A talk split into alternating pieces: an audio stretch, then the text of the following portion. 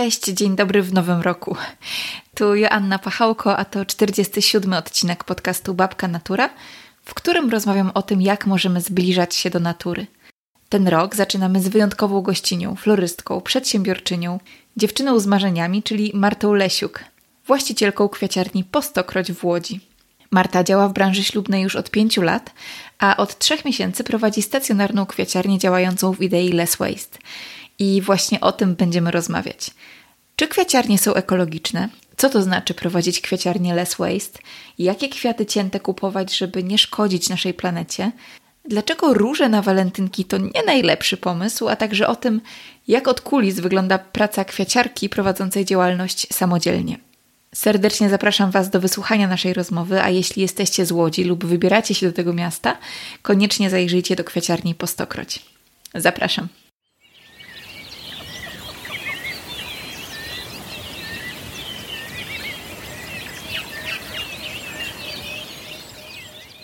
Cześć Marta, miło mi Cię słyszeć. Cześć Asia. Marta, powiedz, jak Ty się czujesz po tych dwóch miesiącach już ponad prowadzenia własnej stacjonarnej kwiaciarni? Jakie uczucia, myśli, przemyślenia do Ciebie przychodzą po tym czasie? Wiesz co, jest lepiej niż myślałam, że będzie, czyli spodziewałam się w zasadzie wszystkiego, e, z czym się muszę borykać. Byłam przygotowana na rzeczy tego typu, że utarg każdego dnia jest inny, że jest zależny od pogody, e, że jak jest brzydka pogoda i naprawdę niesprzyjające warunki atmosferyczne, to, e, no to tych ludzi w zasadzie jest mniej, e, to też się przekłada na utargi. No spodziewałam się tego, że będę musiała wstawać rano po towar. I tu się jestem mile zaskoczona, bo sobie lepiej radzę niż myślałam, że będę sobie radziła, czyli jakoś tam się przyzwyczaiłam do pobudek o 4.35 kilka razy w tygodniu, więc to jest e, jakby na plus. E, miłe zaskoczenie. Wiadomo, że byłam też przygotowana na e, niektórych marudnych klientów, na jakieś odwołane zamówienia, także wydaje mi się, że nie jestem jakoś specjalnie zaskoczona tym, co mnie spotkało. E, no chyba poza jedną kwestią, bo nie sądziłam, że będę miała problem z tym, że lokal jest nieogrzewany, nie, nie ma ogrzewania miejskiego i tu się pojawia w zasadzie problem z temperaturą, która e, nad ranem w lokalu sięga jedynie 6 stopni, więc to jest chyba rzecz, z którą muszę walczyć mhm. najbardziej na tym etapie, która jest no, na ten moment nie do przeskoczenia dla mnie, także kombinuję, co by tutaj zrobić. Rozumiem. A czujesz satysfakcję, czy zastanawiam się właśnie, co można czuć w momencie, kiedy wiesz, jesteś po tym całym procesie otwierania stacjonarnej kwiaciarni, pewnie dużo za tobą różnych rzeczy, różnych kwestii, formalności i nie tylko. Masz takie uczucie, że wow, super, zrobiłam to, czy to jest jeszcze za wcześnie na takie myśli? Nie, no każdego dnia kładę się spać i sobie myślę, Boże, jak jestem dorosła. To jest takie poczucie, wiesz, że jesteś super dorosłym człowiekiem i że, i że ogarniasz jednak e, ledwo, bo ledwo i wiadomo, że wiele rzeczy jest do poprawki e, i wiele błędów też po drodze popełniłam, ale jestem mega dumna z siebie, e, że mimo tego, że jestem naprawdę prokrastynatorem, że gubię się często w takich papierkowych rzeczach, to jakoś udaje mi się pchać to dalej, że tak powiem. Także satysfakcja jest codziennie. Super. Ty, Marta, skończyłaś architekturę krajobrazu i fizjoterapię. Tak. Ale otworzyłaś stacjonarną kwiaciarnię. I na początku wydawało mi się, że to się nie łączy. Im bardziej zagłębiałam się w Twoją historię, tym bardziej widzę, ile tutaj jest połączonych różnych ze sobą wątków. Ale to, o co chciałabym się te Cię teraz zapytać, to jest to, ile czasu minęło od momentu, kiedy Ty podjęłaś tą decyzję, że otwierasz kwiaciarnię, bo jednak pewnie Twoja droga była długa i miała różne wątki i różne ścieżki, do momentu, w którym ta kwiaciarnia rzeczywiście powstała i do momentu, kiedy, który jest teraz, kiedy ona rzeczywiście działa, jeździsz tam, jesteś i przyjmujesz klientów. Jak to wyglądało? Jaka była ta droga? E, wiesz co, e, tak naprawdę gdyby ktoś mi powiedział, że otworzę kwieciarnię stacjonarnie, to bym się popukała w głowę, bo to nie było tak, że e, urodziłam się z myślą, że tak właśnie będzie wyglądała moja ścieżka zawodowa. Mhm. Nie sądziłam też, że w ogóle będę miała coś wspólnego z roślinami, ale no tutaj troszeczkę starałam się być elastyczna względem rynku pracy jednak i sytuacji, bo e, w momencie, kiedy ja kończyłam urlop macierzyński, no to zaczął się COVID. E, ja pracowałam jako trener personalny, miałam swoją działalność jako trener, e, studiowałam fizjoterapię no i raz, że tej fizjoterapii nie udało mi się kontynuować e, z uwagi na to, że ciężko mi było połączyć opiekę nad e, malutkim dzieckiem z robieniem praktyk, z życiem zawodowym, żeby zarobić w ogóle na studia, bo to były zaoczne studia. No i COVID jakby dodatkowo nie pomógł, tak, no bo moje miejsce pracy zostało zamknięte, a że zbliżał się mój ślub, moje wesele, to stwierdziłam, że spróbuję z kursem florystycznym, żeby samodzielnie wykonać dekoracje na, na nasze wesele. Mhm. I tak to się zaczęło, a że y, jestem zwolennikiem płynięcia z tym, co życie nam daje, to sprawdziłam się w tym i, y, i chciałam po prostu pchać ten pomysł dalej, zobaczyć, jak bardzo mogę się rozwinąć w tej dziedzinie. A że okazało się, że mam jakieś tam predyspozycje, to po prostu poszłam w to. Chciałam też, żeby to była y, kwieciarnia, a nie pracownia florystyczna, bo bardzo mi zależało na tym, żeby to było inkluzywne, wbrew zasadzie trendowi nazywania kwieciarni tak naprawdę e, pracowniami mhm. E, czy studiami florystycznymi, bo chciałam, żeby również starsze osoby mogły skorzystać z moich usług bez zastanawiania się, e, co to tak naprawdę jest ta pracownia florystyczna. Dlatego ja się po prostu nazwałam kwieciarnią i też moje usługi w zasadzie krążą wokół takich bardzo standardowych usługi, produkty, które ja mam w ofercie, bo ja mam też podłoże do roślin doniczkowych, jakieś środki pielęgnacji roślin, e, rośliny doniczkowe, także to nie jest tylko taka florystyka na zamówienie, tak? E, tylko po prostu ogólnodostępne miejsce, do którego każdy może w określonych godzinach wejść i skorzystać. E, ile czasu minęło? Wydaje mi się, że to jest kwestia trochę mniej niż niż rok. U mnie ta decyzja była podyktowana tym, w ogóle też los jest przewrotny, że e, mieliśmy zmieniać miejsce zamieszkania, no i ostatecznie będziemy zmieniać miejsce zamieszkania, ale po prostu wykańczanie domu się bardzo przedłużyło. I okazało się nagle, że moje dojazdy, a mieszkam w dużym mieście, mieszkam w Łodzi, byłyby bardzo odległe, tak? Bardzo duża, długa to by była trasa dla mnie do pokonania. Chociaż e, no tutaj trochę los zamiast zakpił, bo lokal, który znalazłam, na który się ostatecznie zdecydowałam, bo wybór nie był duży. To jest lokal, który tak czy siak jest bardzo oddalony od miejsca, do którego się będziemy przeprowadzać, mhm. a z miejsca, w którym aktualnie mieszkam, mam 15 minut rowerem. Jasne. Wiesz co, w ogóle jak my sobie rozmawiałyśmy przed podcastem jeszcze miałyśmy taką dzwonkę telefoniczną, to rozmawiałyśmy chwilę o tym, czym się różnią kwiaciarnie od pracowni florystycznych. I ja wtedy pomyślałam, że ja się muszę w ogóle zastanowić nad tym, jak dla mnie brzmi słowo kwiaciarnia i z czym ono mi się kojarzy. I wróciłam sobie myślami do czasów, kiedy byłam w podstawówce i z moją przyjaciółką codziennie, kiedy wracałyśmy ze szkoły, miałyśmy taką naszą osiedlową kwiaciarnię, do której zachodziłyśmy, oglądałyśmy te wszystkie bibeloty, jakieś figurki, pieski, słoniki, skarbonki. E, tam były też kwiaty doniczkowe, kwiaty cięte. Było tam dość ciemno i ciasno, unosił się taki charakterystyczny zapach. I zastanawiałam się, na ile to moje wspomnienie kwiaciarni, takiej oldschoolowej kwiaciarni, jest też wspomnieniem innych ludzi, powiedzmy z tych lat właśnie 90., końcówki 80., i chciałam Cię też o to zapytać, jaka jest dla Ciebie Twoja kwiaciarnia? Z czym Ci się kojarzy słowo kwiaciarnia? Bo sama mówisz o tym, że Ty się jednak mm, nie chcesz określać jako pracownia florystyczna, chcesz być inkluzywna. Więc czym jest dla Ciebie Twoja kwiaciarnia i kto do Ciebie przychodzi? Położenie mojej kwiaciarni, e, wydaje mi się ogólnie, że będę mogła odpowiedzieć na to pytanie szerzej po roku e, funkcjonowania. Mhm. E, na ten moment jakby moje miejsce, moja kwieciarnia e, znajduje się w osiedlu, bardzo sympatycznym zresztą, zamieszkałem e, no, głównie przez starsze osoby jednak, chociaż e, wokół powstają nowe inwestycje i jakby nawet w tych starszych blokach mam sporo młodych osób z dziećmi na przykład, które do mnie przychodzą. Także moi klienci to są między innymi właśnie starsi ludzie. No, wydaje mi się, że jak bardziej rozpromuję swoje miejsce w internecie na całą Łódź, to będę miała też zamówienia spoza, że tak powiem, najbliższego otoczenia e, mojego lokalu, ale no dokładnie tak jak mówisz, dla wielu osób kwieciarnia e, kojarzy się z miejscem, w którym dostępne są nie tylko kwiaty i akcesoria do kwiatów, ale również przykład torebki prezentowe, bo takie też mam zapytania, jak ludzie wchodzą z ulicy. Wydaje mi się, że jakbym miała napisane studia florystyczne, to też by o to pytali. Natomiast tak, w latach 90. kwieciarnie funkcjonowały też jako takie sklepy z prezentami, z upominkami, o tak bym powiedziała. Tak, mi się to bardzo kojarzy. Było, tak, mi też się to bardzo kojarzy i w zasadzie myślę, że wśród dużej grupy osób współcześnie też kwieciarnia funkcjonuje jako takie miejsce, gdzie mogą też kupić, nie wiem, aniołka z gipsu na przykład, tak? No u mnie takich rzeczy nie ma.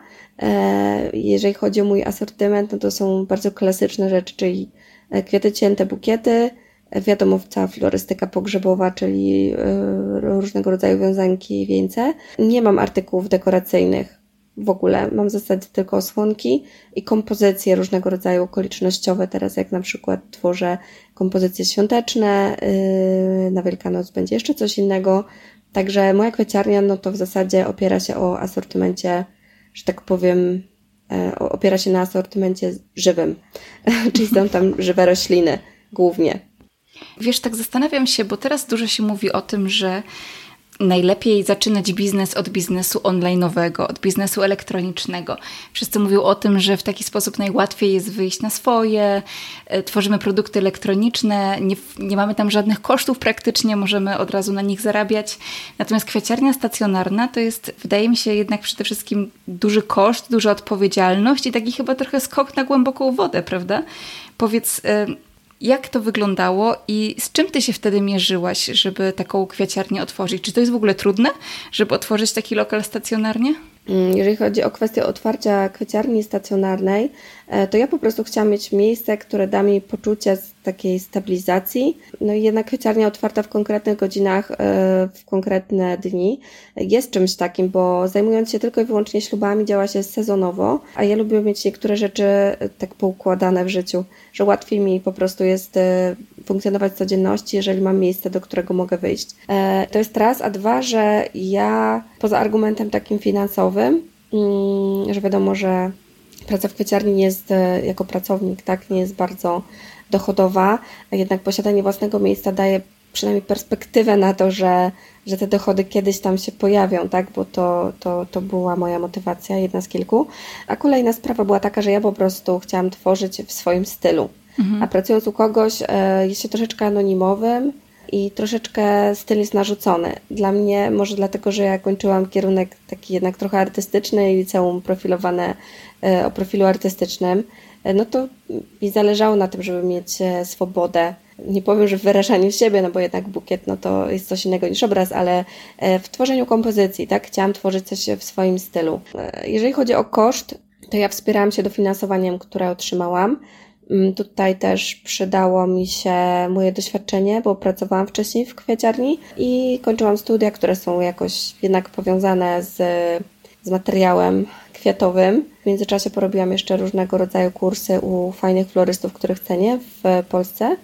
Jeżeli chodzi o e, otwarcie kwiaciarni, czy to jest trudne, wydaje mi się, że najtrudniejsze jest znalezienie lokalu jednak, bo wbrew temu, co myślałam, e, to nie jest tak, że lokale że jest w czym wybierać, tak? No bo żeby znaleźć lokal, który byłby e, z witryną, który miałby odpowiedni metraż, e, możliwość zaparkowania auta, no bo jednak dostawy i zatowarowanie rowerem nie dowiozę, muszę zaparkować samochód. No i problem był taki, że lokale, które były dostępne, e, przykładowo, no ja nie potrzebowałam lokalu w jakimś super standardzie, bo kwieciarnia to wbrew pozorom jest bardzo brudna praca, e, więc jakieś kafle na wysoki połysk e, czy panele odpadały, więc to musiała być bardzo podstawowa nawierzchnia, e, jakieś kafelki czy nawet linoleum. No i chciałam też lokal urządzić pod siebie, więc nie chciałam szukać lokalu o wysokim standardzie, który byłby już urządzony w jakimś określonym stylu, tylko coś, czemu ja mogłabym nadać swój że tak powiem, charakter, więc lokalu szukałam dość długo. Ostatecznie byłam przyciśnięta, byłam w zasadzie pod ścianą, bo musiałam decydować się i wskazać miejsce, w którym będę prowadzić działalność. No i ostatecznie padło właśnie na lokal, który znalazłam tak naprawdę w ostatnim miesiącu poszukiwań, nawet nie był wystawiony w internecie. Jakoś tak pocztą pantoflową w miejscu, którego totalnie nie brałam pod uwagę. Także w przeciągu miesiąca w zasadzie podjęłam decyzję i znalazłam ostateczny lokal, bo musiałam się deklarować. Jak się teraz nim czujesz? Mm, co, ja się czuję bardzo dobrze, e, jeśli chodzi o wnętrze, które sobie urządziłam e, w moim guście. E, bardzo podoba mi się światło, podoba mi się okolica, mieszkają dookoła bardzo sympatyczni ludzie. Także ja w tym lokalu czuję się bardzo dobrze. No jedyne, co mi przeszkadza, to oczywiście temperatura, no ale na nią nie mam wpływu. I jakoś walczę z tym, żeby przetrwać ten najgorszy w zasadzie dla roślin doniczkowych okres. Także wracając e, do Twojego pytania, no ja się w tym lokalu czuję bardzo dobrze, uważam, że ma świetną energię i fajnie jest spojrzeć na coś, co wcześniej wyglądało totalnie inaczej, co ja w zasadzie przerobiłam swoimi pomysłami i pomocą fachowców na wnętrze, które naprawdę jest w 100% z moim gustem. No właśnie, a wspominałaś o tej temperaturze. Czy to jest tak, że przy takiej temperaturze, tak jak mówisz, bardzo niskiej rano, podejrzewam, że ona później też niewiele wzrasta, to jest duże wyzwanie, żeby utrzymać tam kwiaty? Jak to wygląda? Czy ty bardzo walczysz? Mm, wiesz co, na tym etapie walczę bardzo, bardzo nawet powiedziałabym, ponieważ e, to lokal e, to jest w zasadzie budka po warzywniaku, która może na zdjęciach tak nie wygląda i z zewnątrz też tak nie wygląda, ale jednak technologicznie pod kątem konstrukcyjnym to jest po prostu taki pawilon wolno stojący, podpiwniczony, z dużą otwartą przestrzenią, którą bardzo ciężko jest ogrzać. Ja mam do dyspozycji piecyk gazowy i klimatyzację, którą się dogrzewam. I przy maksymalnym nagrzaniu z dwóch punktów, czyli piecykiem gazowym i klimatyzacją jestem w stanie osiągnąć chyba maksymalnie 16 stopni e, w dzień. E, no a niestety rośliny potrzebują minimum 16. Mówię o roślinach doniczkowych, żeby, mm, żeby funkcjonowały, tak? Więc bardzo duże straty zaobserwowałam, jeśli chodzi o kwiaty doniczkowe, które, którym czernieją liście, które po prostu marzną, także muszę jakoś sobie poradzić e, z tym, co, co się dzieje i chyba na czas zimowy zrobię po prostu wyprzedaż. A przy kolejnym sezonie, jeżeli w tym lokalu zostanę, po prostu będę myślała, jak mogę go ocieplić czy kwiaty cięte nie potrzebują wyższej temperatury? Jak to wygląda w tym przypadku? Kwiaty cięte to akurat e, żyją sobie jak pączek w maśle, bo przy 6 stopniach one się czują jak w chłodni. Także w ich zasadzie po ścięciu idealnym środowisku do życia, do życia w wazonie. Także trwałość kwiatów ciętych w tym lokalu jest naprawdę niesamowita. Nie spotkałam się z czymś takim. W zasadzie idealna do, do kwiatów ciętych. E, no ale jednak kwiaty doniczkowe no, doprowadzają mój biznes do bardzo dużych strat w tym momencie, więc to jest rzecz, która troszeczkę mi ciąży jednak. Rozumiem. To będę trzymać kciuki, żeby zima się żeby szybko zima, zima się szybko skończyła, tak. A powiedz mi, Marta, skoro już jesteśmy przy kwiatach ciętych, to nie, o, nie mogę o to nie zapytać. Bo ty mówiłaś wcześniej, że masz dużo roślin, nie masz tych wszystkich figurek bibelotów. Wiem też, że swoich bukietów nie pakujesz w różne folie, w różne papiery, że Mówiłaś też o tym, że starasz się być kwiaciarnią less waste, przynajmniej mówiłaś mi to jeszcze przed podcastem. I dlatego nie mogę tutaj nie zapytać o te kwiaty cięte i o to, jak one się mają do bycia kwiaciarnią less waste. Dużo się teraz mówi o tym, że Kwiaty cięte nie są ekologiczne, że są sprowadzane z Afryki, z Ameryki Południowej, nawożone sztucznie, trzymane właśnie w tych chłodniach. Sposób pracy ludzi i to, jak ludzie są traktowani na plantacjach, też budzi wiele wątpliwości, mówiąc e, tak eufemistycznie. I zastanawiam się, czy w ogóle jest możliwe utrzymywanie kwieciarni na przykład z samych sezonowych kwiatów, czy jednak trzeba to jakoś łączyć i czy w ogóle jest możliwe znalezienie takiego złotego środka bycia fair wobec siebie i swojego biznesu i bycia fair wobec klientów, bo podejrzewam, że my jako klienci też jesteśmy przyzwyczajeni do pewnych rzeczy i sobie z tego nie zdajemy po prostu sprawy. Powiedz, czy ty zastanawiałaś się nad tym, jak to będziesz rozwiązywać w swojej kwieciarni i, i jak w ogóle wygląda u ciebie ta kwestia ciętych kwiatów? To ja jestem w ogóle, zacznę od tego, że no muszę sprostować, że bukiety u mnie, nie wszystkie oczywiście, e, są pakowane w folię, ale powiem Ci z czego to wynika. Mhm. Ja pakowałam bukiety w papier do pieczenia, po prostu biały papier do pieczenia, w arkusze papieru do pieczenia i podobał mi się efekt, jaki to w zasadzie, jak to wykańczało bukiet. No i potem jak e, zaczęłam już myśleć o, o swoim miejscu, Oczywiście ja bym chciała odejść w pewnym momencie w ogóle od pakowania bukietów w cokolwiek, jedynie w papier, że tak powiem, ochronny na czas transportu. I konsultowałam się z kilkoma osobami, bo na początku pomyślałam sobie, że fajnym sposobem będzie pakowanie w kalkę techniczną. Kalka techniczna też ładnie wykańcza bukiet. Wydawało mi się, że to może będzie lepsze rozwiązanie niż y, używanie papieru do pieczenia czy folii. Natomiast okazało się, że kalka techniczna powinna być wrzucana do kontenera z odpadami zmieszanymi. Aha. Także jest bardzo mało ekologicznym rozwiązaniem. Znacznie lepszym rozwiązaniem jest folia z recyklingu, bo takiej ja używam akurat jednej specjalnej. Jeśli chodzi o folię, ja też nie używam zszywek, dzięki czemu w zasadzie tą folię można zużyć do zapakowania prezentu, do... Ja też klientów instruuję i mówię, że no nie użyłam zszywek do zszywania jakby opakowania, i zachęcam do tego, ona też jest ozdobna, tak? Zachęcam do tego, żeby po prostu ją wykorzystać ponownie, a następnie wrzucić do kontenera z plastikiem. Także tutaj w tej kwestii staram się być less waste'owa, chociaż dążę do opakowań w ogóle minimalistycznych, czyli żeby w ogóle bukietów nie wykańczać. Być może przyjdzie to z czasem, jak będę miała troszeczkę więcej odwagi, e, żeby zostawić bukiet po prostu e, bez folii. Natomiast jeżeli klient sobie tego nie życzy, czy jeżeli robi na przykład większy bukiet, to faktycznie nie pakuje go już wtedy w nic. Jeśli chodzi o kwiaty sezonowe, to ja mam dość duże doświadczenie już w tym momencie z kwiatami sezonowymi.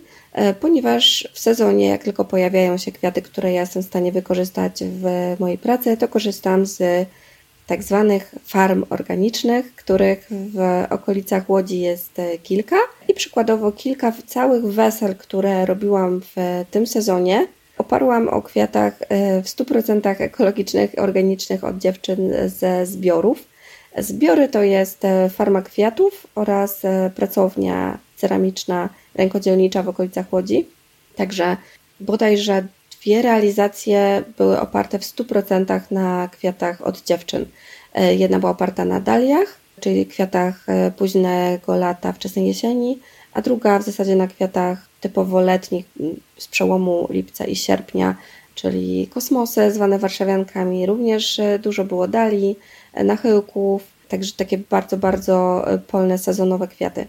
E, z kwiatami e, tak zwanymi organicznymi jest e, ten problem, przynajmniej ja jako florysta, który prowadzi kwieciarnię mam ten problem, że one z uwagi na może konkretne gatunki, tak, mają krótkie łodygi. Mhm. I o ile jestem w stanie użyć takich kwiatów na przykład do wiązanki pogrzebowej, która ma zupełnie inny kształt, to jednak to jest prosta matematyka, tak? Jeżeli tworzę duży bukiet, to nie dam rady skomponować go z kwiatów, które mają na przykład łodygi długości 30 centymetrów po prostu są za krótkie do tego, żeby, y, no, żeby ten bukiet miał jakąś tam średnicę. A to poczekaj, to ja zadam teraz pytanie od razu, dlaczego one mają krótkie łodygi? Ja się kompletnie na tym nie znam. Wiesz co, po prostu no. tak no to jest taki gatunek, tak, że mhm. są niektóre, które będą miały dłuższe łodygi, ale wciąż są to dość krótkie łodygi. Przykładowo hodowlane kwiaty typowe y, mają nawet 70 cm. Nie mówię tu oczywiście o różach, to akurat jako przykład podałam goździk. I wtedy jak bukiet jest duży, tak, no to mam jakby dłuższą łodygę do wykorzystania, wykorzystania w nim, Jasne. tak. Także dążę do tego, żeby, y, żeby w ogóle przestać pakować bukiety. E, w jakikolwiek rodzaj wykończenia. I wydaje mi się, że jak już nabiorę troszeczkę więcej e, pewności siebie, to jak najbardziej będę wykorzystywała również więcej kwiatów, które będę używała po prostu niżej, że tak powiem, e, w bukiecie. Mam nadzieję, że Ty i słuchacze będą wiedzieli, o co mi chodzi. W każdym razie tak, no jeżeli chodzi o kwiaty mm, sezonowe, to jak tylko pojawiają się kwiaty sezonowe, ja w ogóle jestem zwolennikiem takiego może złotego środka. Wiadomo, że złoty środek z każdej perspektywy będzie wyglądał inaczej. Natomiast e, ja łączę ze sobą kwiaty typowe hodowlane i kwiaty sezonowe, czy tam kwiaty i dodatki sezonowe, jak tylko mogę, tak? Mhm. Czyli używam kwiatów. To tutaj się pojawia taki troszeczkę konflikt między tym, co chce klient, a co ja bym chciała, tak? Jako osoba o dość dużej świadomości ekologicznej. Ponieważ klientowi zależy na tym, żeby bukiet był trwały. E, kwiaty trwałe to są kwiaty takie typowo hodowlane, czyli e, specjalnie jakby wyłaniane, specjalnie produkowane odmiany, które są wzmacniane, tak jak na przykład rumianek, który jest używany w bukietach, ja go bardzo lubię i to nie jest taki rumianek, który znajdziemy sobie na polu, tylko to jest specjalny hodowlany rumianek o długich łodygach, który nadaje w zasadzie bukietom takiej troszeczkę dzikości, takiego stylu polnego, ale tak naprawdę jest rośliną o bardzo dużej trwałości. Dlatego ideałem dla mnie jest łączenie przykładowo róż z kwiatami sezonowymi, więc ja specjalizuję się w tak zwanych bukietach y, mieszanych. Y, nie korzystam też z róż ekwadorskich, czyli tych róż sprowadzanych z bardzo odległych zakątków. Raczej kupuję kwiaty od lokalnych ogrodników, którzy również mają róże. I wtedy mam świadomość, że te róże jakby pokonały znacznie krótszy dystans. Ślad węglowy jest też znacznie mniejszy. No i wiem też, że dana osoba, która mi je sprzedaje, sama w zasadzie te kwiaty wyhodowała. Jeżeli chodzi też o kwiaty sezonowe, czy jest możliwość e, oparcia w 100% działań florystycznych tylko i wyłącznie na kwiatach sezonowych? No niestety nie. Przynajmniej tak jest moje zdanie. E, co prawda sezon ślubny, czyli tutaj jakby jeżeli chodzi o dekoracje ślubne, odniosę się w zasadzie do tej sfery czy tej gałęzi florystyki, jeżeli chodzi o florystykę y, właśnie ślubną, weselną, to wydaje mi się, że jest to bardziej możliwe niż w przypadku kwieciarni, które funkcjonują cały rok. Mhm. Bo sezon ślubny teoretycznie trwa cały rok, ale jednak większość imprez odbywa się właśnie w tym sezonie wegetacyjnym dla większości roślin, większości kwiatów. I wiem też, że są florystki, które właśnie tak jak moje koleżanki ze zbiorów, e, one też robią wesela, korzystają ze swoich kwiatów, tak? Czyli to już w ogóle jest bardzo przyjazne naturze. Jeśli chodzi o mnie, no to ja staram się właśnie łączyć e, i miksować, czy to jeśli chodzi o florystykę ślubną, czy o florystykę, którą, z którą miałam do czynienia na co dzień w kwieciarni przez cały jednak rok. A wiesz co, mówiłaś o tym, że trochę oczekiwania klientów rozmijają się z tym, co ty chciałabyś robić i na co byś się odważyła za jakiś czas. Powiedz, czy to jest tak, że my po prostu jesteśmy przyzwyczajeni już przez te lata funkcjonowania kwiaciarni do tego, że kupujemy określone bukiety, że one muszą stać określony czas. My chyba jako klienci, tak mi się wydaje, nie zastanawiamy się nad tym, dlaczego te kwiaty tyle czasu stoją, prawda? Wydaje mi się, że ta mhm. nasza świadomość, i mówię tu jakby w pełni odpowiedzialnie, że nasza, bo moja też cały czas była jeszcze dość niska, no jest właśnie mała i my chyba nie zdajemy sobie sprawy z tego, że to, że te kwiaty tak długo stoją, ma związek z tym, że one były sztucznie podtrzymywane w jakiś sposób, prawda? E, tak, tak, tak. E, jeśli chodzi o róże, no to podam przykład właśnie róży ekwadorskiej i róży czerwonej, bo chciałabym też zaznaczyć, że ja nie mam czerwonych róż u siebie w kwieciarni. Mhm. E, nie mam z kilku względów. No, najbardziej praktyczny e, to jest to, że mi się po prostu nie łączą te kwiaty z innymi kolorami, które mam w wazonach, że tak powiem.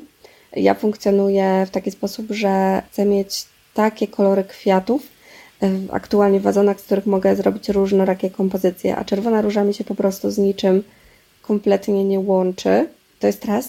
A dwa, że jednak to jest, czerwona róża to jest naprawdę najmniej ekologiczny ze wszystkich kwiatów, bo ona funkcjonuje, jest tak zakorzeniona w naszej kulturze jako taki klasyk, więc jej e, produkuje się bardzo dużo. Wiadomo, że jakby wyhodowanie jednego kwiatka, no tego typu, tak, bo czerwone róże to są bardzo często właśnie róże e, te sprowadzane z bardzo daleka.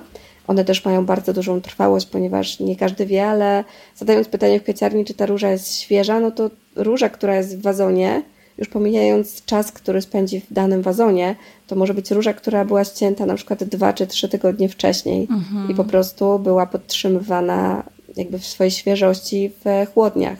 Także największym problemem właśnie są walentynki, bo ciężko jest oszacować e, popyt konkretny, więc ta podaż jest e, zawsze w zasadzie za, e, za duża i te kwiaty stoją w chłodniach, następnie przyjeżdżają do nas, do Polski, do Łodzi nie wiadomo ile stoją w chłodniach łódzkich, potem trafiają do kwieciarni i na samym końcu do wazonu y, w walentynki.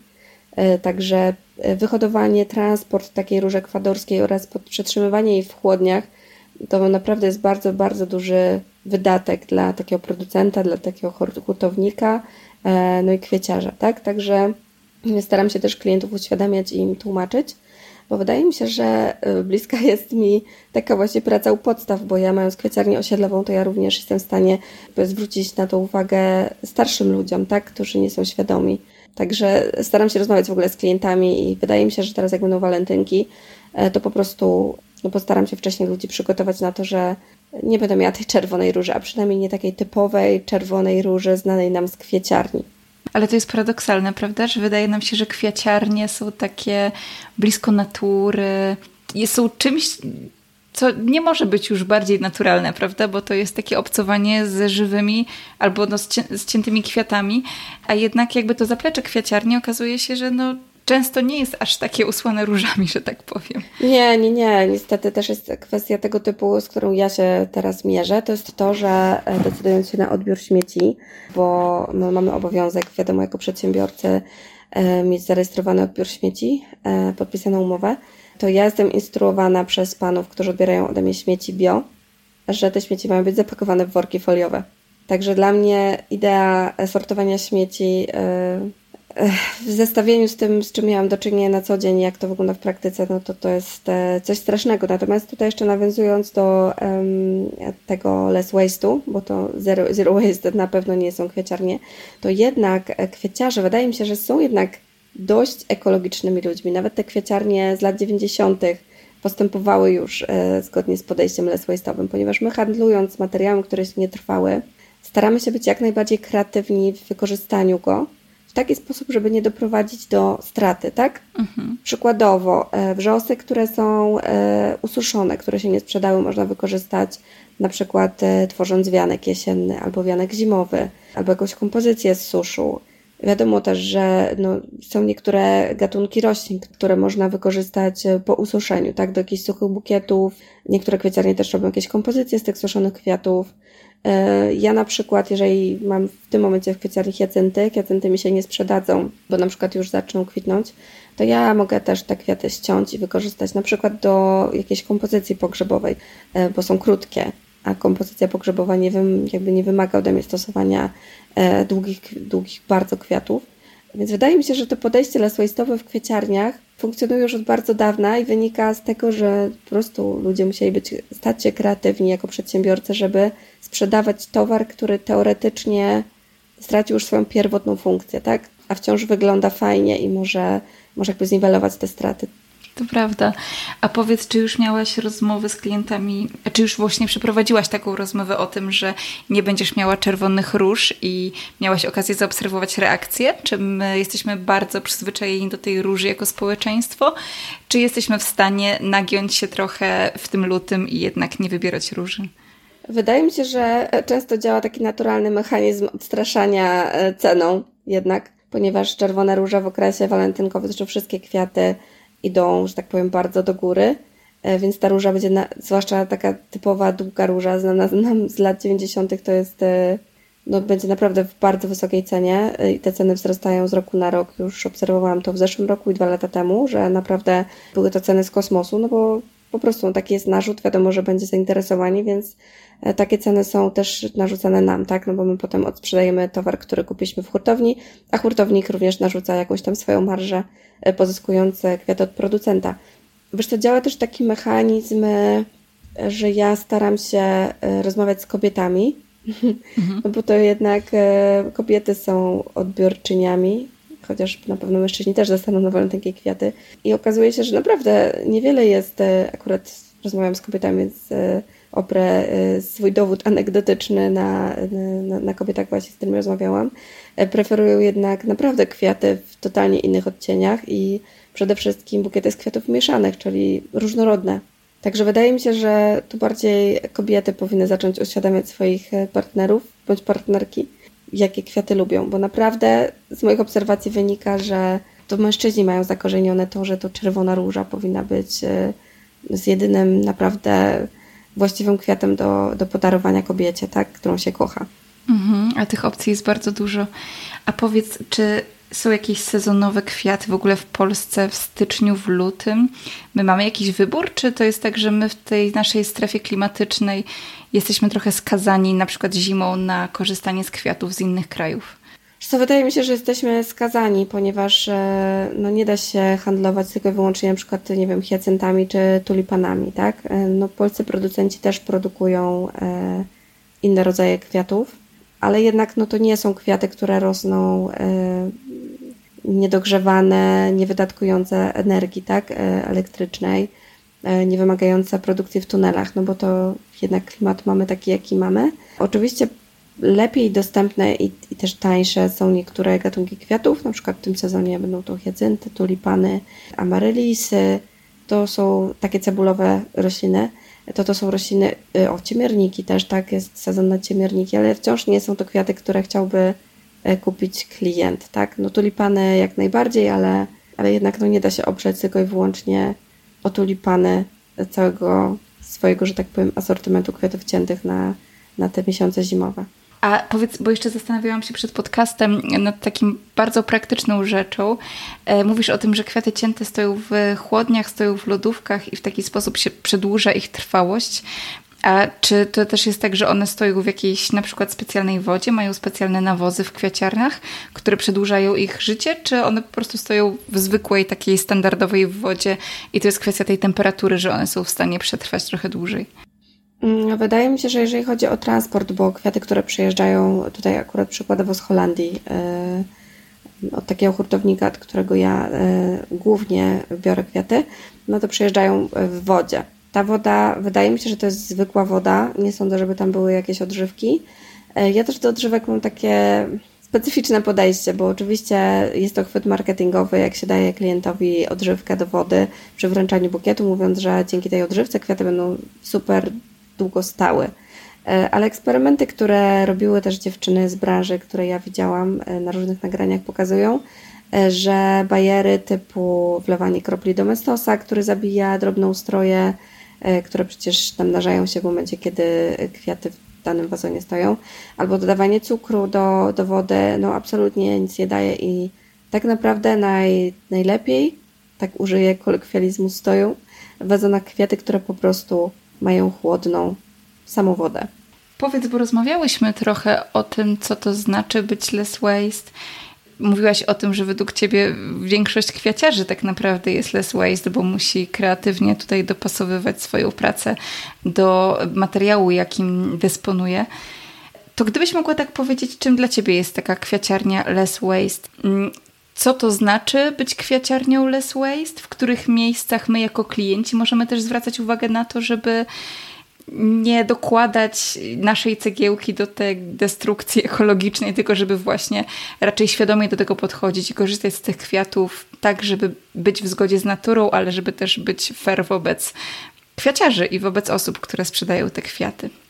E, no przede wszystkim zaobserwowałam, że w większości kwieciarni, przynajmniej jeżeli chodzi o, e, o kwieciarnie łódzkie, e, kwiaty, bukiety są pakowane w no, w dużej ilości papieru i właśnie folii. Więc można na przykład przy składaniu zamówienia zaznaczyć, że e, chcemy, mm, żeby bukiet nie był opakowany w żaden rodzaj ozdobnego papieru, tak? No bo nie korzystamy w zasadzie wtedy z tych materiałów, a można na przykład zaznaczyć, że jeżeli cena papieru, e, jeżeli jakby do kwoty bukietu doliczana jest cena opakowania, to rezygnujemy z opakowania na przykład na korzyść e, jednego kwiatka więcej, bo to mniej więcej jest taki przelicznik. Mhm. Ja pracując w kwieciarni też często pytam się klientów, czy życzą sobie, żeby ten bukiet był zapakowany ozdobnie, tak? E, to jest raz. A dwa, że jeżeli mamy możliwość opakowania bukietu e, w sposób ochrony, tak? Że na przykład, nie wiem, pada deszcz albo są jakieś niekorzystne warunki atmosferyczne, to zwrócić uwagę na to, żeby wziąć e, jakby ten bukiet czy innego rodzaju kompozycję pakowaną w papier, bo e, wiem, że kwiaciarnie mają folię przezroczystą. Ja też w jakimś stopniu tą folię mam. Ona po prostu jest, no bo różne bywają sytuacje i czasem na przykład jest tak, że ktoś ma wiązankę pogrzebową i z tej wiązanki jeszcze leci woda E, nie chce, żeby miał mokry bagażnik, tak, no to wtedy na przykład daje taki kawałek folii. Natomiast wydaje mi się, że można też zasugerować e, floryście czy sprzedawcy, że nie chce się korzystać z folii, tak? Można to zaznaczyć przy składaniu zamówienia. Wydaje mi się, że większość kwieciarni, jeżeli stosuje już jakieś, jakąś formę pakowania, na przykład osłonek czy kwiatów doniczkowych, to wykorzystuje jednak e, torby papierowe, co może też wynikać troszeczkę z kwestii finansowych i ze zwykłego lenistwa po prostu u niektórych, tak? Mhm. Bo nie każdy musi się kierować jakąś tam świadomością ekologiczną, proekologiczną. To jednak są torebki papierowe, tak? Żeby zwrócić uwagę na to, e, żeby, żeby osłonka czy kwiatek doniczkowy był opakowany w torbę papierową. E, można też zaznaczyć, że na przykład e, generalnie bardziej przyjazne naturze są bukiety z kwiatów mieszanych, Unikamy czerwonej róży, tak, no bo to jest najmniej ekologiczny ze wszystkich kwiatów dostępnych w kwieciarniach. Wydaje mi się, że to są takie, no można też, ale to już e, wydaje mi się, że będzie bardzo trudne do zmiany, co też obserwuję po, e, po święcie zmarłych w Polsce, że jednak e, prym wiodą kompozycje z kwiatów sztucznych. Ja staram się jakby zrozumieć motywację, która kieruje ludźmi, którzy wybierają sztuczne kwiaty i nie przemawia ona do mnie kompletnie bo w zasadzie wydaje mi się, że ideą powinno być e, obdarowywanie zmarłych kwiatami, a nie układanie kompozycji, które są przeznaczone na, dla jakby wciąż żyjących, mhm. tak? Czyli na przykład dla sąsiadów czy innych członków rodziny. Więc wydaje mi się, że e, to, że można po prostu przemyśleć kwestie, bo najgorszym świętem, najmniej ekologicznym świętem, które, na którym zarabiają kwieciarnie, to paradoksalnie nie są walentynki, tylko to jest święto właśnie 1 listopada, tak? Gdzie no, kwiatów sztucznych ja u siebie nie, nie wykonuję kompozycji w ogóle z, ze sztucznych kwiatów. I można je naprawdę różnie nazywać. Można mówić kwiaty materiałowe, gdzie same wiemy, że sweter również jest z materiału, ale akryl to jest plastik. Kwiaty materiałowe albo jak oni jeszcze mówią, no nie mówią kwiaty z plastiku, tak? Tylko sztuczne kwiaty, kwiaty trwałe, o właśnie tak też nazywają kwieciarnie, to jest wciąż plastik, tak? Także wydaje mi się, że młodsi klienci e, mogą zyskać tą świadomość i po prostu troszeczkę przekonywać starszych członków rodziny do tego, żeby odchodzić od tych plastikowych kwiatów. Czyli miałaś takie sytuacje właśnie w tym pierwszym święcie zmarłych w Twojej kwiaciarni, że osoby przychodziły i pytały o sztuczne wiązanki, a Ty nie mogłaś ich zapewnić? Tak, tak, miałam takie sytuacje i e, zwłaszcza to były starsze osoby, reagowały raczej oburzeniem. E, ja też nie chciałabym jakby mówić ludziom wprost, że nie wiem, że to są już rzeczy, od których się odchodzi, że to nie jest złym guście, że to nie jest dobrym guście, po prostu oferować coś takiego w dzisiejszych czasach. Dlatego zasłaniałam się po prostu tym argumentem, że a, że musiałabym kupić tych kwiatów, żeby mieć jakąś różnorodność za kilka tysięcy złotych, a na przykład no, dopiero zaczynam. Nie wiem. Także po prostu tak próbowałam też wybrać z tego, bo nie każdy chce słyszy, słyszeć i słuchać moich wywodów na temat e, ekologii. E, ale tak, miałam takie sytuacje i, jestem przekonana, że straciłam dość dużą ilość pieniędzy jednak, bo gdybym się podjęła wykonania czegoś, co jest wbrew e, jakiejś mojej idei, no to na pewno byłabym w stanie zarobić dobre pieniądze. To jest też w ogóle super ciekawe z tymi sztucznymi wiązankami, bo one też teoretycznie są trwałe, ale praktycznie przecież one tam nie spędzają kilkunastu lat na tych y, cmentarzach, tylko one są pewnie wyrzucane po kilku miesiącach. Tak, są wyrzucane, są wyrzucane i y, za rok zamawiane są nowe. Dokładnie. A wyrzucane są też do tych wielkich kontenerów, które w żaden sposób raczej nie podlegają segregacji, tak mi się wydaje. Niestety, dokładnie tak. To ciekawe, czyli przed nami to jest kwestia uświadomienia się właśnie przy okazji tych dużych świąt, tak? E, tak. Święto zmarłych, wszystkich świętych, walentynki. Są jeszcze jakieś takie święta, które są dla kwiaciarzy wyjątkowo mm, obfite w pracę? Moim ulubionym świętem jest e, Dzień Mamy. A, dzień mamy. E, I to wynika z tego, że jednak wtedy te kompozycje raz, że są najbardziej różnorodne, dwa, że są najbardziej ekologiczne, bo już mamy naprawdę dużą dostępność i bogaty wybór kwiatów sezonowych. No i to jest też święto, kiedy kobiety obdarowują kwiatami inne kobiety. I wtedy wiem, że zamówienia są najfajniejsze, tak? Że kobiety zupełnie inaczej podchodzą, zamawiając innym kobietom, czyli na przykład swoim mamom. E, kwiaty zupełnie inaczej podchodzą do, e, do tematu i ja wtedy też mam większe, e, większe pole do manewru i, i, większą swobodę twórczą, że tak powiem. No i mamom raczej się nie daje czerwonych róż, tak? Mhm. Także jakby królują kwiaty sezonowe i to jest naprawdę najpiękniejsze święto dla, wydaje mi się, no, każdego florysty w całym roku. Wiesz co, chciałabym jeszcze na sekundę wrócić do tych kulis pracy w kwiaciarni e, i tego, jak to wygląda od zaplecza, bo dużo jest tu kwestii, które już poruszałaś, na przykład kwestia tych śmieci, czy tego, jak kreatywnie, ile swojstowo wykorzystać e, kwiaty, które na przykład już e, wyschły. I chciałabym tu przytoczyć cytat z Twojej strony. I brzmi on tak. Od zawsze poszukiwałam zawodu, który nie będzie ubrany w sztywne ramy etatu, przy, przybliżę sobie tutaj mój zeszyt, e, który będzie dawał mi nie tylko dużo swobody, ale także możliwość działań twórczych i aktywnego trybu życia dosłownie.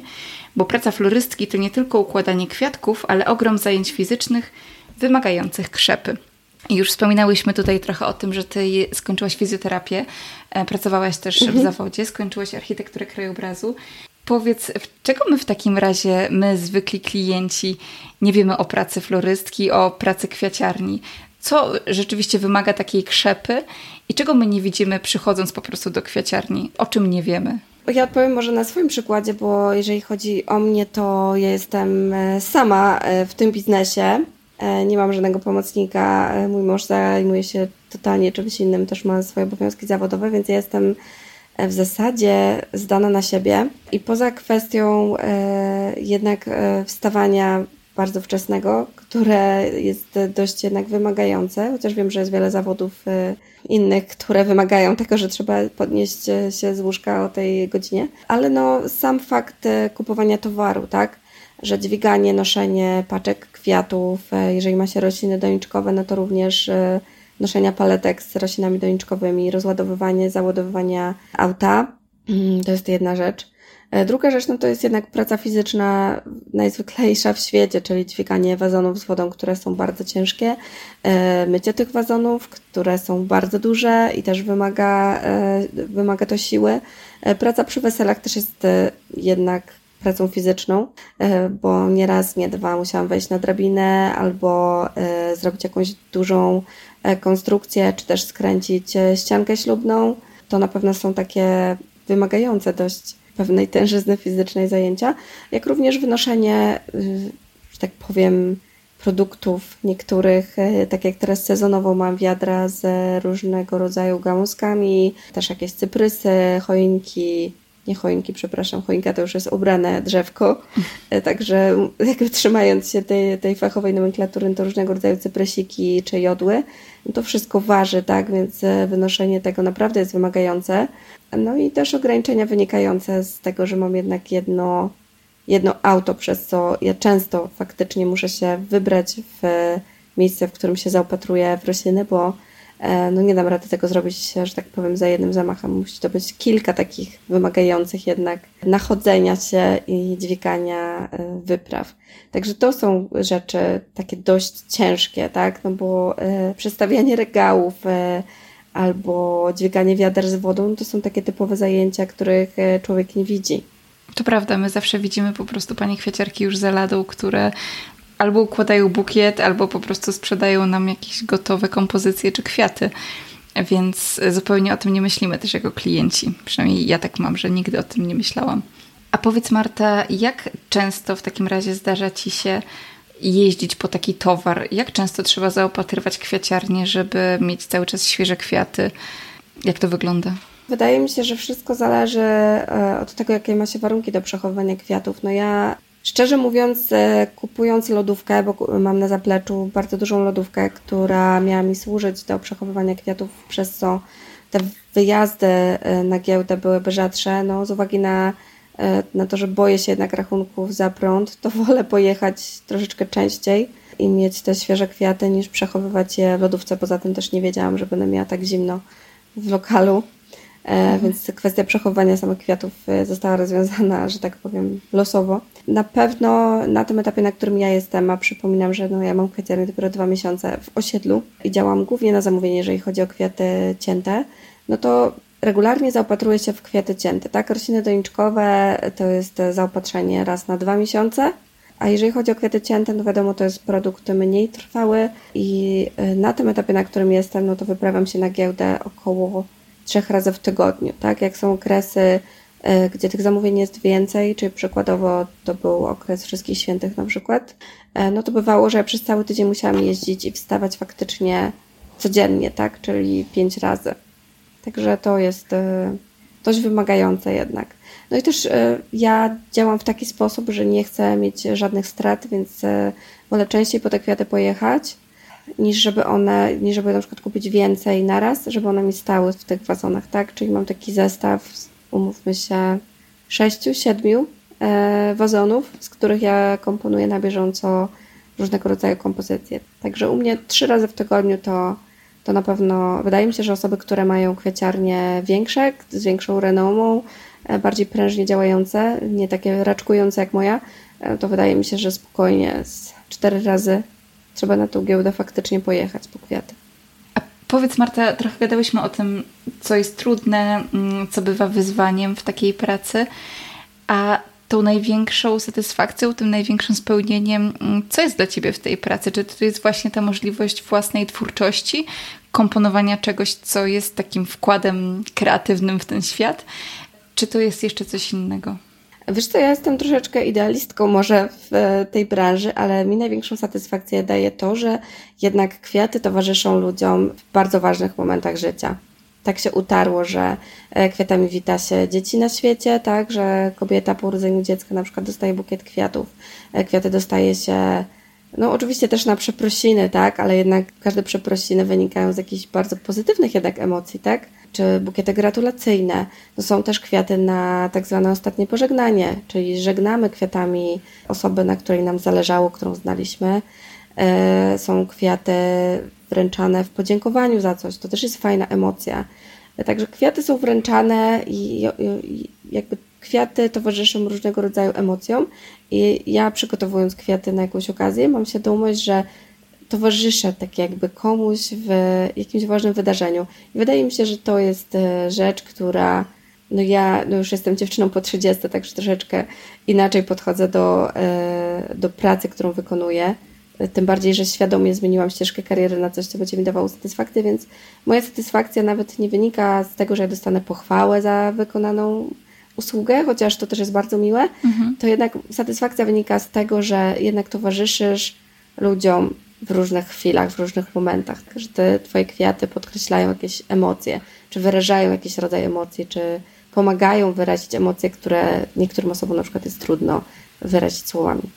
Dobrze, Marta, to w takim razie będę Cię prosić jeszcze o to, żebyś opowiedziała, gdzie jest Twoja kwiaciarnia, gdzie można Cię spotkać stacjonarnie, ale gdzie można też Cię znaleźć e, online'owo, bo w internecie także działasz, także jeżeli nasi słuchacze będą chcieli albo przyjść do ciebie, albo zamówić wiązanki, albo po prostu zainspirować się Twoją twórczością, to powiedz, gdzie Cię szukać. Najwięcej rzeczy publikuję na Instagramie. W ogóle zacznę od tego, że kwiaciarnia moja mieści się w Łodzi, na ulicy Zbiorczej 2C, w pawilonie, który znajduje się naprzeciwko dużego marketu. Jest to pogranicze w zasadzie Śródmieścia i Widzewa, także lokalizacja taka wydaje mi się dość e, dość fajna, bo blisko kilku dużych dzielnic, także można sobie zawsze e, po kwiaty podjechać. Jeśli chodzi o internet, no to ja jestem najbardziej aktywna jednak na Instagramie, e, na swoim koncie kwiaciarnia po stokroć e, i tam też publikuję najwięcej materiałów. Równolegle publikuję te same treści na Facebooku, gdzie również można mnie znaleźć pod nazwą kwiaciarnia po stokroć. Kilka informacji Wiem też, że muszę zaktualizować stronę, natomiast znajdzie się na y, moim www.kwiaciarniapostokroć.pl a do takiego kontaktu zapraszam przez y, Instagrama, bo tam też jestem najczęściej i jestem na pewno szybciej i łatwiej dostępna niż przez maila. Super. Ja mam nadzieję, że kiedyś będę Cię mogła odwiedzić w Łodzi, chociaż mam tam parę godzin, ale może kiedyś się uda. Zapraszam. E, więc mam nadzieję, że zobaczymy się na żywo. Tymczasem będę patrzeć na to, jakie piękne rzeczy tworzysz w internecie i trzymam kciuki za całą Twoją działalność, żeby prężnie się rozwijała i żebyś miała jeszcze coraz więcej tego oddechu i takiego czasu na twórczość, a nie na formalności na przykład. O, dziękuję Ci bardzo i dziękuję Ci za miłą rozmowę. Mam nadzieję, że e, ktoś wyciągnie z niej wnioski, że może ta świadomość wśród moich potencjalnych klientów będzie troszeczkę większa. Mhm. Działamy u podstaw. Tak jest. Ja też się dużo nauczyłam dzisiaj. Dziękuję bardzo. Dzięki wielkie. Dziękuję Wam za wysłuchanie podcastu. Bardzo mi miło, że jesteście z nami do tego momentu. Jeśli chcielibyście porozmawiać o tym odcinku, piszcie śmiało do mnie na Instagramie albo na Facebooku. Wszędzie znajdziecie mnie jako Babka Natura. A jeżeli czujecie, że naszą rozmowę warto puścić dalej, szczególnie przed walentynkami, będzie nam z Martą bardzo miło, jeśli udostępnicie ją w swoich mediach społecznościowych, oznaczając babkę naturę i kwiaciarnię po stokroć. Pamiętajcie też, że jeśli chcecie być na bieżąco z kolejnymi odcinkami podcastu, możecie zaobserwować podcast w Spotify lub zasubskrybować go w innej aplikacji, w której go słuchacie. Dla mnie to też będzie sygnał, że podobają Wam się treści, które tworzę. Jeszcze raz bardzo dziękuję za wysłuchanie odcinka i do usłyszenia w jakiś kolejny piątek.